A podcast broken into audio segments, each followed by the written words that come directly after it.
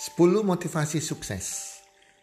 Hai teman-teman sahabat Health and Well Community. Apa kabar? Harapan dan doa kami semoga teman-teman pendengar podcast kami ini Anda bersama keluarga dalam keadaan sehat walafiat dan berbahagia selalu. Dan pasti-pastinya rezeki Anda akan makin bertambah dari hari ke hari dan dari bulan ke bulan. Dan apa pun yang engkau kerjakan saat ini, Anda kerjakan saat ini, dijadikan berhasil oleh Tuhan Yang Maha Esa. 10 motivasi sukses. Para pendengar podcast, sahabat podcast Health and Well Community, saya paling suka kata-kata motivasi. Kalau dulu pada waktu masih belum ada sosial media atau TikTok atau video motivasi apa pun, saya selalu menulis kata-kata motivasi yang bisa membangkitkan semangat. Dan itu saya baca berkali-kali, saya tulis di buku, saya baca berkali-kali, hampir setiap hari. Apalagi dalam keadaan saya lagi terpuruk ya, lagi keadaan not good ya. Itu saya selalu membaca kata-kata motivasi. Dan di kesempatan kali ini saya akan membacakan 10 kata sukses, 10 kata-kata sukses yang mungkin bermanfaat bagi Anda bisa memberikan Anda motivasi dalam mencapai impian Anda. Yang pertama, mereka yang beralasan tidak punya waktu adalah mereka yang membiarkan waktu mengatur hidupnya, bukan malah sebaliknya. Teman-teman, orang-orang sukses adalah orang-orang yang bisa mengatur waktu mereka. Sesibuk apa pun mereka, mereka bisa mengatur waktu mereka, memiliki manajemen waktu yang baik. Kalau kita ketemu orang yang mengatakan, "Oh, saya sibuk tidak punya waktu," bla bla bla bla bla, itu artinya mereka tidak bisa mengatur waktu. Waktu yang mengatur hidup mereka. Yang kedua, masalah itu adil ia datang kepada semua orang. Tetapi tidak dengan jalan keluar. Jalan keluar hanya datang kepada mereka yang mencarinya. Jadi para pendengar podcast, siapa pun orang itu, setiap manusia pasti punya masalah. Setiap orang punya masalah sendiri-sendiri. Dengan kasus-kasus persoalan yang berbeda. Sehingga kita nggak bisa menghindar dari masalah atau mengatakan bahwa jangan ada masalah dalam hidup kita. Oh tidak bisa demikian. Itu dikatakan masalah itu adil datang kepada semua orang. Nah jalan keluarnya bisa terjadi kalau orang tersebut mencari solusinya, mencari jalan keluarnya. Di mana kalau kita berpikir solusi, dan kita berdoa, minta petunjuk Tuhan, setiap masalah pasti ada solusinya. Ibaratnya setiap penyakit pasti ada obatnya. Yang ketiga, dunia lebih menghargai orang yang mau melakukan pekerjaan kecil daripada orang yang hanya memiliki rencana besar. Sahabat podcast Health and Well, ini benar sekali. Kata motivasi yang ketiga ini yang membuat saya bisa melangkah sukses.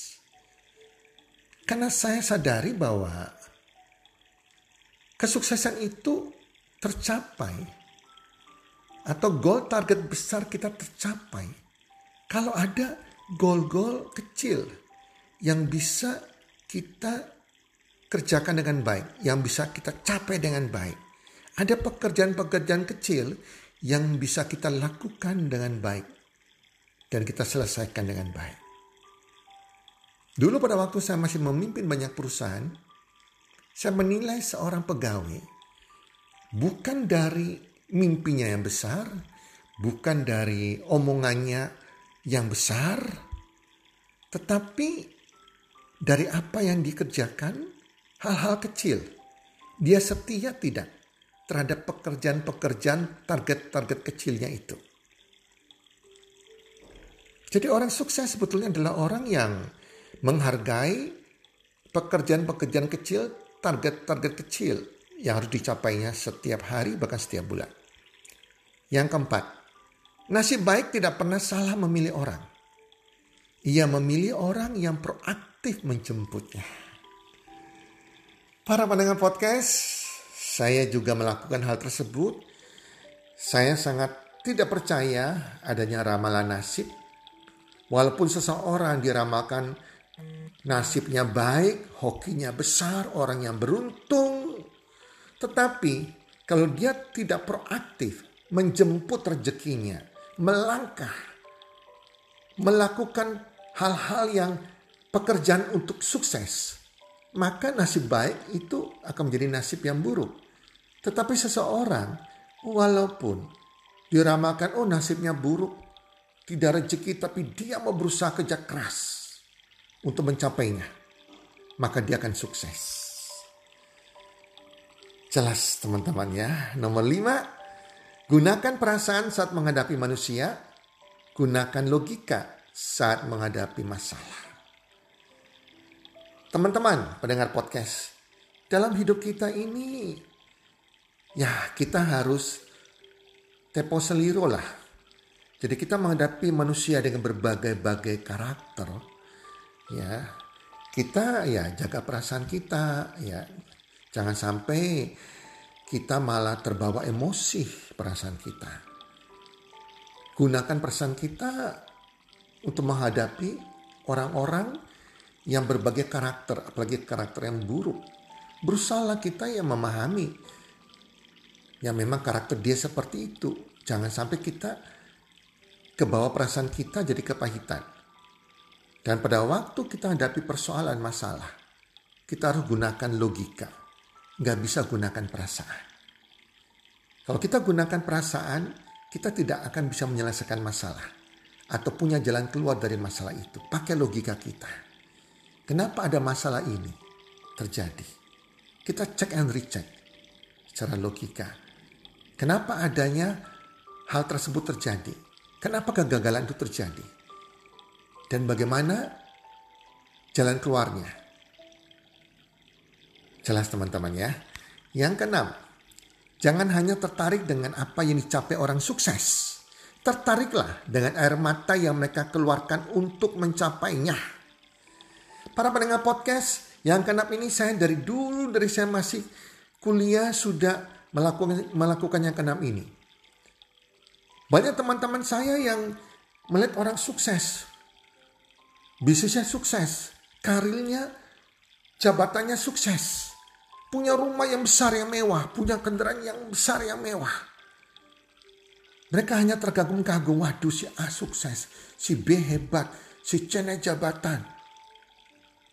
Itu yang mereka lihat. Tetapi dari dulu, saya tidak pernah melihat kekayaan orang. Saya tahu orang itu kaya, orang itu sukses, orang itu punya jabatan tinggi. Yang saya ingin tahu adalah bagaimana prosesnya dia mencapai kesuksesan itu. Bagaimana perjuangan dia untuk mencapai kekayaan itu. Itu pasti ada cerita yang menarik. Ada air mata, ada perjuangan di situ, ada proses yang jatuh bangun yang yang dia hadapi sehingga dia keluar sebagai pemenang. Itu yang saya ingin tahu teman-teman. Yang ketujuh, yang menyedihkan bukanlah bidikan yang meleset, tapi bidikan yang tanpa target. Dan ini kita sering alami teman-teman. Jadi kalau setiap bulan dalam pekerjaan kita, kita tidak mencapai target kita, jangan sedih. Karena itu hal yang wajar. Sebuah bisnis pun kan pasti naik dan turun teman-teman. Saham pun demikian. Anda kalau lihat grafik saham pasti naik dan turun. Turun dia akan naik lagi. Itu hal yang wajar kalau seseorang tidak mencapai target. Tetapi jangan jadikan itu hal yang menyedihkan. Justru kalau kita nggak punya target yang ingin kita capai, itu yang hal yang paling menyedihkan. Artinya Anda tidak punya rencana untuk sukses. Yang kedelapan, hidup ibarat sebuah buku. Tuhanlah yang menyediakan pena, tetapi Andalah penulisnya. Para pendengar podcast, banyak orang mengatakan demikian. Oh ini sudah takdir saya. Saya miskin, saya gagal, rumah tangga saya hancur, anak saya salah jalan. Ini sudah takdir saya, sudah nasib saya. Hai, come on. Itu adalah pemikiran yang salah dan tidak bijaksana dan bicara kasarnya yang sangat bodoh sekali. Tuhan betul sudah menyediakan takdir bagi setiap manusia. Takdir Tuhan untuk setiap manusia adalah menjadi pemenang, menjadi orang yang bahagia, menjadi orang yang sukses, memiliki karakter yang benar.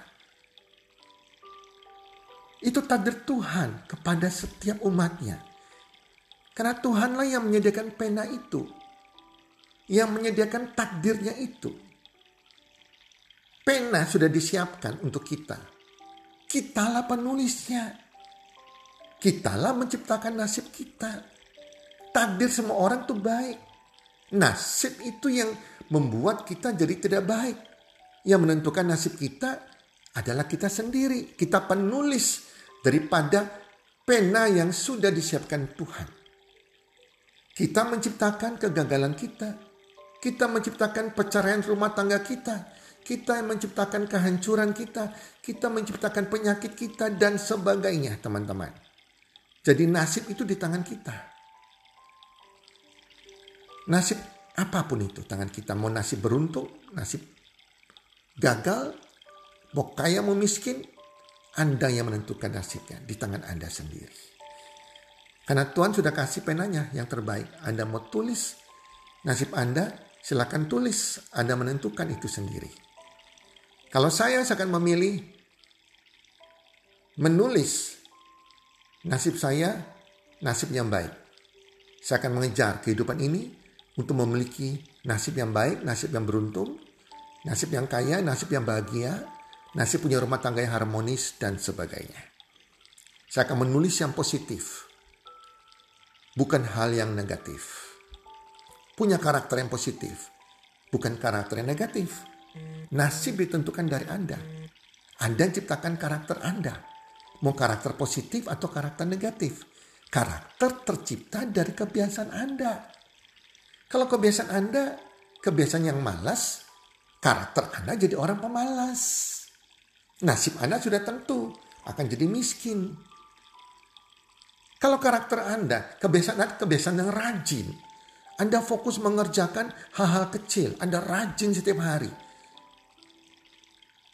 mengerjakan sesuatu untuk mencapai sukses Anda, itu kebiasaan Anda, maka Anda punya karakter. Karakter orang sukses, karakter yang rajin. Ini akan menentukan nasib Anda. Anda akan jadi orang yang sukses, yang berhasil.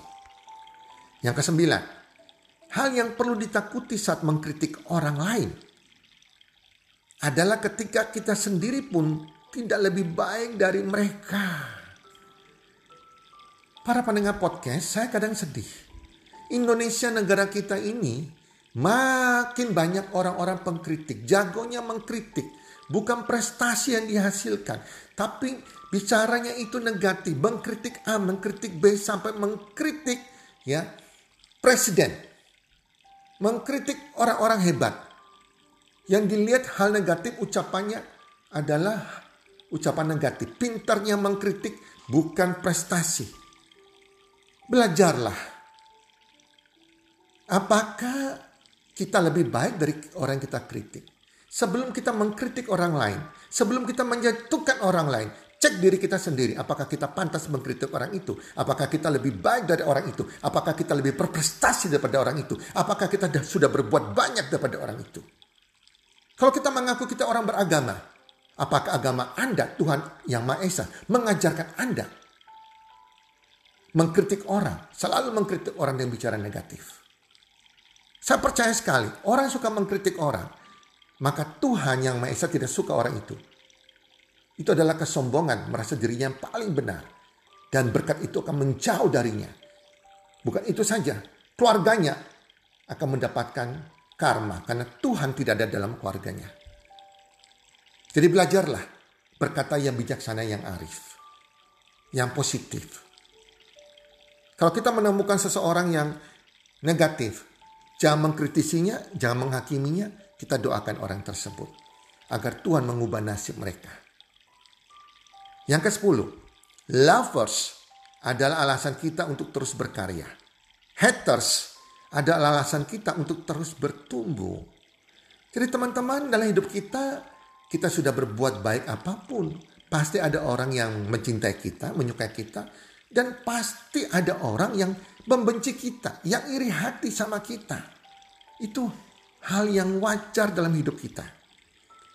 Justru kita harus terus berkarya untuk orang-orang, terus berprestasi untuk orang-orang yang mencintai kita, menyayangi kita. Keluarga-keluarga kita khususnya. Follower kita yang mencintai kita, pengikut kita, warga kita, jemaat kita. Tetapi kalau ada orang membenci kita, itu juga jangan kita langsung down. Kita langsung ilfeel. Jangan sampai kita jadi insecure. Tetapi itu menjadikan kita, motivasi kita terus bertumbuh. Membuktikan kepada si haters, si pembenci bahwa bicaranya salah. Ya teman-teman, jadi teman-teman, itu semua adalah investasi dalam diri Anda. Secara rohani, fisik, emosional, dan jadikan itu sebagai investasi untuk karakter Anda bertumbuh lebih baik. Jagalah sikap diri kita sendiri, karena ketika kita naik lebih tinggi, maka kita bisa membawa orang lain untuk naik lebih tinggi juga. Kita naik lebih sukses, kita membawa orang lain terutama keluarga kita, merasakan kesuksesan itu dan kebahagiaan itu. Bila Anda, bila kita semua telah diisi, kita memiliki sesuatu untuk diberikan kepada orang lain. Jika Anda adalah orang positif, maka Anda selalu memberikan nilai tambah kepada orang lain. Bila Anda berada dalam kondisi yang terbaik Anda saat ini, anda akan menjadi terang, menjadi garam, menjadi contoh. Dan biarkanlah terang itu bersinar kepada orang-orang sekitar Anda maupun kepada dunia. Dengan adanya sosial media ini, apa pun prestasi Anda bisa dilihat oleh dunia. Semoga bermanfaat podcast kali ini dan jadilah terbaik dalam hidup Anda jadilah terbaik dalam hidup Anda. Semoga bermanfaat dan salam sukses. One, two, three.